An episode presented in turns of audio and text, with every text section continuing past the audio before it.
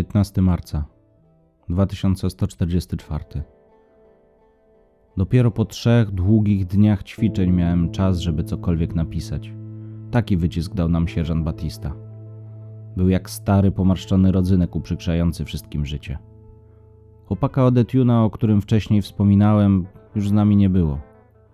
Z tego co słyszałem, został postawiony przed sądem polowym i wywalony następnego dnia. Dawne rządy ceniły sobie dezinformację i ograniczenie treści wychodzących na świat. Dlatego tamten młody chłopak został bardzo surowo ukarany. Żeby kupić takie urządzenie, musiałby zostawić dom, rodzinę i Bóg jeden wie co jeszcze. Był po prostu bardzo drogi. Reasumując, Etiun nawet nie był jego. Mogę sobie tylko wyobrazić, co dalej stało się z tym chłopakiem. Trzy dni ćwiczeń z sierżantem kompletnie nas wykończyły. Papka witaminowa na śniadanie, obiad i kolację przestała nam przeszkadzać. Prawdziwym błogosławieństwem okazał się sen. Mimo, że przyjechaliśmy niedawno, w armii przeżyłem jeden, jedyny taki dzień 15 marca. Dzień wolny.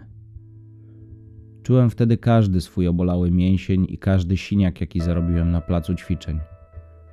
Wiedzieliśmy, że zabyczenie się w pryczach sierżant Batista załatwi nam kolejne kilka dni wycisku. Ale przynajmniej mogliśmy z Jeffem trochę odpocząć i pogadać. Lepiej się poznać. Minęło już wiele lat, a ja wciąż pamiętam. Pogoda marcowa zupełnie nie przypominała tego, co teraz, kiedy już działają terraformatory. Było ciepło i przyjemnie. Upały miały dopiero nadejść. Hugo okazał się pasjonatem gier strategicznych, dlatego przez cały poranek szukał odpowiednich kamyków, żeby zbudować pionki do szachów. I chyba zaraził tym mnie i Jeffa. Podczas szukania odpowiednich materiałów spotkaliśmy jednego z zawodowych żołnierzy. Nazywał się Oscar Thompson. Pilnował porządku podczas nieobecności sierżantów. Batista, Anderson i pozostali sierżanci zostali wezwani do sztabu głównego. Mogłem przewidzieć, że. Zresztą nieważne. Oskar nie był jednym z tych nabzdyczonych zawodowych żołnierzy, a kilku już poznałem. Powiedział mi i Jeffowi co nieco o panujących zasadach i regulaminie pod dowództwem sierżanta Batisty. Zdziwiło mnie to, że wyraził się o nim dość pochlebnie. Potem pochwalił się swoim dziewięcioletnim synkiem, ale nie pamiętam jak miał na imię. Wtedy dzieci mnie nie obchodziły. W tajemnicy przekazał nam kilka informacji dotyczących sytuacji rządu i świata. Podobno w Europie wybuchły zamieszki, nasz kraj zadłużył się u jakiejś korporacji, a policja i żandarmeria pozbywali się biedaków i żebraków z amerykańskich ulic. W zasadzie nie powiedział nic, czego bym się nie domyślał, ale miło było wiedzieć, że w tamtej zepsutej wojskowej społeczności istnieli porządni ludzie. Wydawał się naprawdę w porządku. Pomógł nam nawet znaleźć idealny biały pion do szachów. Po obiedzie mieliśmy jeszcze niedosyt rozmowy i odpoczynku, ale spokój zakłócił przyjazd sierżantów. Pochowaliśmy się w barakach. Dowódcy byli czymś przejęci, bo nawet do nas nie przyszli. Spodziewaliśmy się niespodzianki następnego dnia. Do wieczora i kolacji panowała nerwowa atmosfera. Pogłoski o zbliżającym się konflikcie trochę przerażał. Nikt nie odważył się wychylać nosa z baraków i narażać się któremuś z sierżantów. Nawet ci palący z trudem powstrzymywali swoje nałogi. Wszystko dla świętego spokoju. Tym czasie Jeff opowiedział mi trochę o Enclair. Od kilku lat stacjonowała tam jakaś ważna persona. Z tego, co dorzucił do rozmowy Hugo, podobno wszędzie, gdzie się pojawiał, rozkopywano duże połacie terenu. Wykopy archeologiczne czy coś w tym stylu.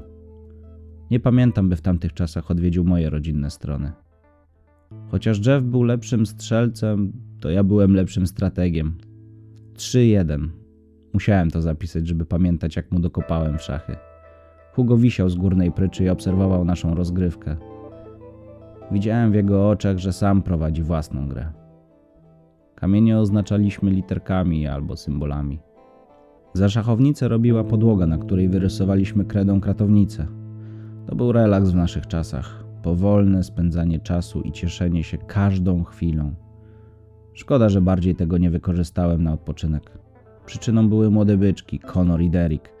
Chcieli sprawdzić się z dziadkami na siłę. Patrzenie na wściekłego Jeffa, który przegrywa kolejną partię, przestało mnie bawić. Nie mogłem odmówić tym napuszonym szczeniakom. Zresztą Jeff chyba też już miał dosyć siedzenia na podłodze. W atmosferze zdrowej rywalizacji naciągnąłem sobie ścięgno w lewym nadgarstku. Na kolacji czułem, jak ból uniemożliwia mi złapanie łyżki. Nie mogłem nabrać porcji tej smakowitej brei. Chłopaki śmiali się i szydzili, aż nawet Arnoldowi wychodziło uszami. Chociaż byłem obiektem żartów, to dobrze się bawiłem. Dobrze wspominam tamten wieczór. Gdzieś w pobliżu kręcił się Oskar. Pilnował porządku jak duch. Ledwie mogłem go dostrzec, ale dopiero gdy wszedł w światło latarni, rzuciło mi się w oczy, w co jest wyposażony. Jeden z najnowszych karabinów Gaussa produkcji krajowej, kamizelkę taktyczną wzmacnianą prototypowym egzoszkieletem i sprzęt optyczny najnowszej generacji. Jakby się na coś szykował. Jak wiesz, nigdy nie byłem pasjonatem militarnym, ale będąc w wojsku trochę już widziałem. Potrafiłem ocenić, jaki chłam dostaliśmy my, ci z powołania, w przeciwieństwie do tych z zawodowej służby.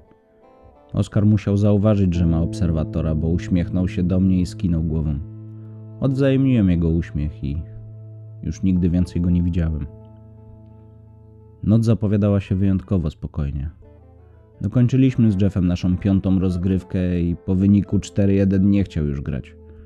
Może i dobrze, bo kiedy starliśmy szachownicę z podłogi do baraku wszedł sierżant Batista. Wszyscy stanęliśmy na baczność przed pryczami i czekaliśmy na długi poemat o naszym lenistwie czy wygodach 15 marca. Chociaż mały sonecik. Nic podobnego się nie wydarzyło. Zrobił rundkę naokoło. Zatrzymał się przed każdym z nas na krótką chwilę, jakby miał wykrzyczeć jakieś obelgi. Milczał. Czułem się dziwnie zmaltretowany jego badawczym spojrzeniem. Capił tymi swoimi perfumami i zionął przetrawionym czosnkiem. Po baraku rozchodził się jedynie dźwięk jego powolnych kroków. Nikt nie odważył się na niego spojrzeć. Przy Arnoldzie zatrzymał się na chwilę dłużej. Myśleliśmy już, że się odezwie i wybuchnie, ale poszedł dalej. Na koniec odwrócił się, popatrzył jeszcze raz na wszystkich i jak gdyby nigdy nic bez słowa wycofał się w kierunku wyjścia. Po zamknięciu drzwi krzyknął spocznij i tak oto skończył się jeden ze swobodniejszych dni w wojsku. Wszyscy myśleliśmy, że 15 marca był dniem wolnym. Skąd mogliśmy wiedzieć, że znajdziemy się w samym środku burzy?